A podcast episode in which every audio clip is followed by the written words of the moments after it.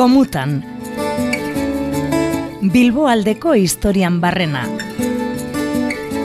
Hector Ortegaren eskutik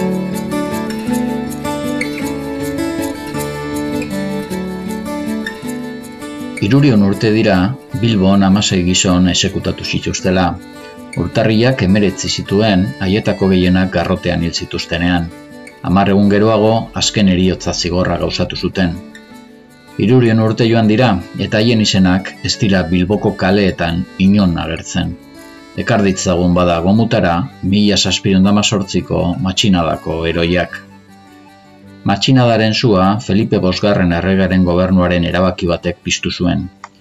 Bizkaiak ez zuen ez tabakoaren kontrabandoa galarazten, Espainiako merkatu nazionalera batzea erabaki zuen, foruak urratuz. Araba, Nafarroa eta Gipuzkoarekin berdin jokatu zuen. Alegia, artean, Ebro Ibaian edo Gaztelako mugan, Urduñan eta Balmasedan bizkaiko kasuan, zeuden aduanak kostaldera ekarri zituen. Aldaketa horrek etzeukan ageriko babesik bizkaian, baina egia da handiki eta merkatari aberetxenetako askok begi honez ikusi zutela, tabakoaren kontrabandoa saberastu eta arrotzen hasiak ziren merkatariei kalte egingo zielakoan. Lekuko batek esan zuenez, sasoi hartan, Ibai Zabaleko itxasadarreko errotetan, esen ehotzen tabakoa besterik. Gainerako gizarte zaiek ostera ez zuten inundik inora onartu nahi. Merkatari eta jabertainek erakundeetatik galera nahi izan zuten aduanen leku aldatzea. Ez zuten lortu. Mila saspion damazortziko martxoan abian jarri zuten sistema berria. Guardak ekarri zituzten Bilbo, Bermeo eta Portugaletera. Herritarxeen orduak jo zuen. Eurek ere, ez zituzten nahi, jakiak eta kanpoko produktuak garestitu behar zituzten aduanak, eta batez ere, ez zuten nahi pertsona librei zegozkien eskubideak galtzea. Petxero, jopu bihurtu gura zituztela ulertu zuten. Uda hartan, isilpeko batzarrak egin zituzten deustun, begoinan eta abandon, eta zua iraiaren lauan piztu zuten.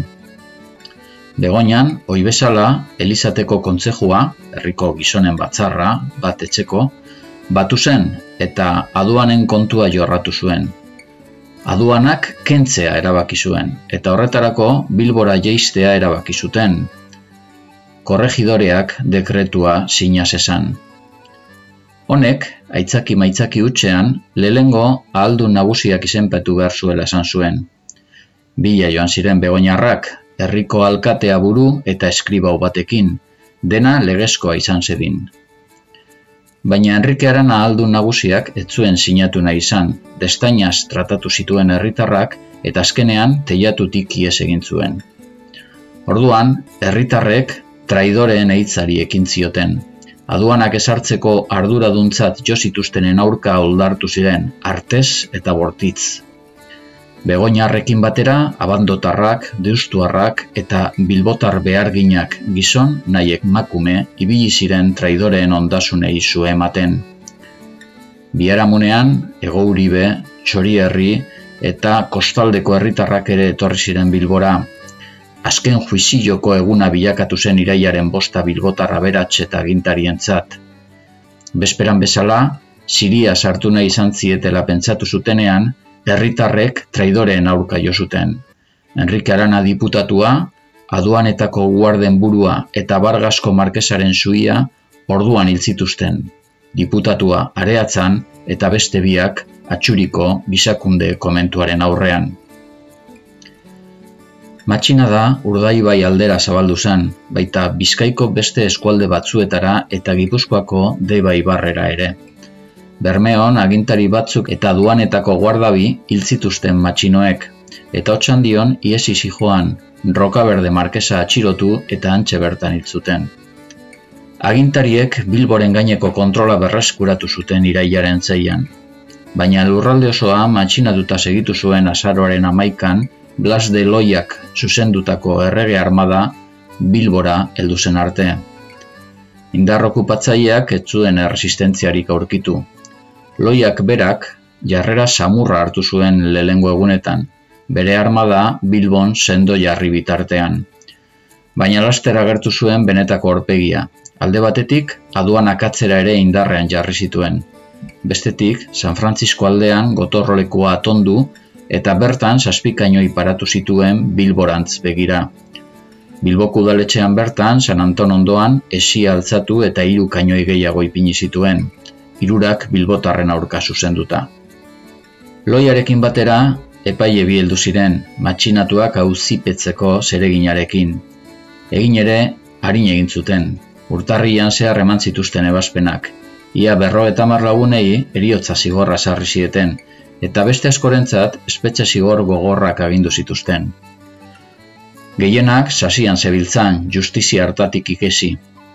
Kondenatuetatik amasei hil zituzten urtarria amaitu orduko, Ilaren emeretziko goizaldean adibidez, bederatzi laguni eman zieten garrotea Bilboko espetxean bertan. Biaramunean Bilboko plazan paratu zituzten hilotzak eta goizeko amaiketan borreroak banan-banan burua ebakitzien. Buru bakoitza burdin asko kaiola banatan sartu eta matxinadaren leku printzipaletan paratu zituzten. Areatzan, singirakalen, begoinan, gizakunde komentuan eta albian. Urtarriaren hogeta sortziko goizeko sortziretan kaperan jarri zuten Francisco Otañez, Portugaleteko udalkarguduna. Biaramuneko gozaildeko iruretan garrote eman zioten kartzelan, eta ondoren Bilboko plazara eraman zuten Enrique Arana diputatu hilaren etxearen aurrean altxatutako oholtzara, eta han paratu zuten gorpu, zutabe batetik dingilizka, goizeko bostetan, egun sentia baino lehen. Arratzaldeko irurak arte, pregoiak eman zituen pregoilariak aldarri baten otainezen delituak lau aizetara zabaltzeko. Orduan, iruretan alegia, borreroak burua ebakizion kargudunaren iotzari eta kaiolan ipinita, Portugaletera bidali zuten, hiribilduko leku agirikoan jarri zezaten. Mila zazpirion dago eta bian, Felipe Bosgarrenaren gobernuak aduan akatzera ere eraman zituen gaztelako mugara, eta bos urte geroago indultu eman zuen matxinadaren hausietan zigortutako guztientzat. Baina barne zauria agerian gelditu zen, eta gizartean zirri borratu zen gatazkalerroa gero eta gordinago agertuko zan urrengo amarkadetan, karlistadetan bortizki lehertu arte. Hauek dira, Bilboko urkamendian hil zituzten mila saspion damazortziko matxinadaren martirien izenak. Otxandilloko, Jose Bazan, Blas Gereño, Jose Saldibar eta Juan Ajuriagerra. Eskoriatzako Francisco Saenz Uribe, Bergarako Miguel Eguren, Muruetako Jose Arana eta Domingo Aldai, Busturiako Bautista Atxirika, Juan Errekalde Galdakaukoa eta Lesamako Pedro Uribarri, Portugaleteko Francisco Otañez, Barakaldoko Martin San Martin, eta abandoko Antonio Madariaga, Blas Landa eta Antonio Gandia, haiei betiko argia.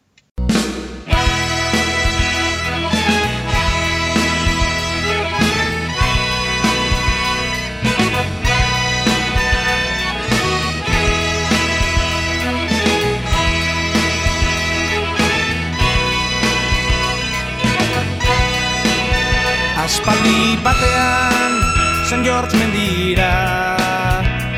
Talde bat beldu zen borondatea zaltzera Lur jabe talege oro desafiatuz. Deus etzeu kapenak eurenak eskatuz. Pakean gatoz zioten lurra lantzera.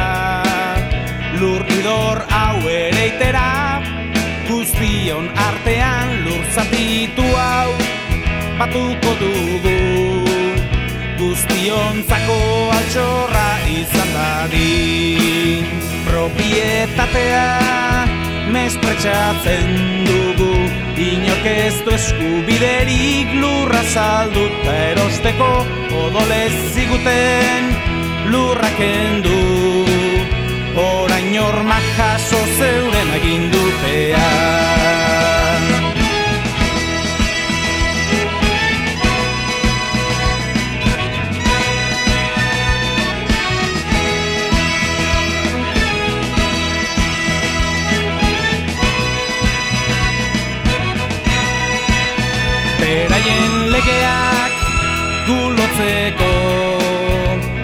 giza zeru baskentzen bestela inpernura ez dugu gurtuko.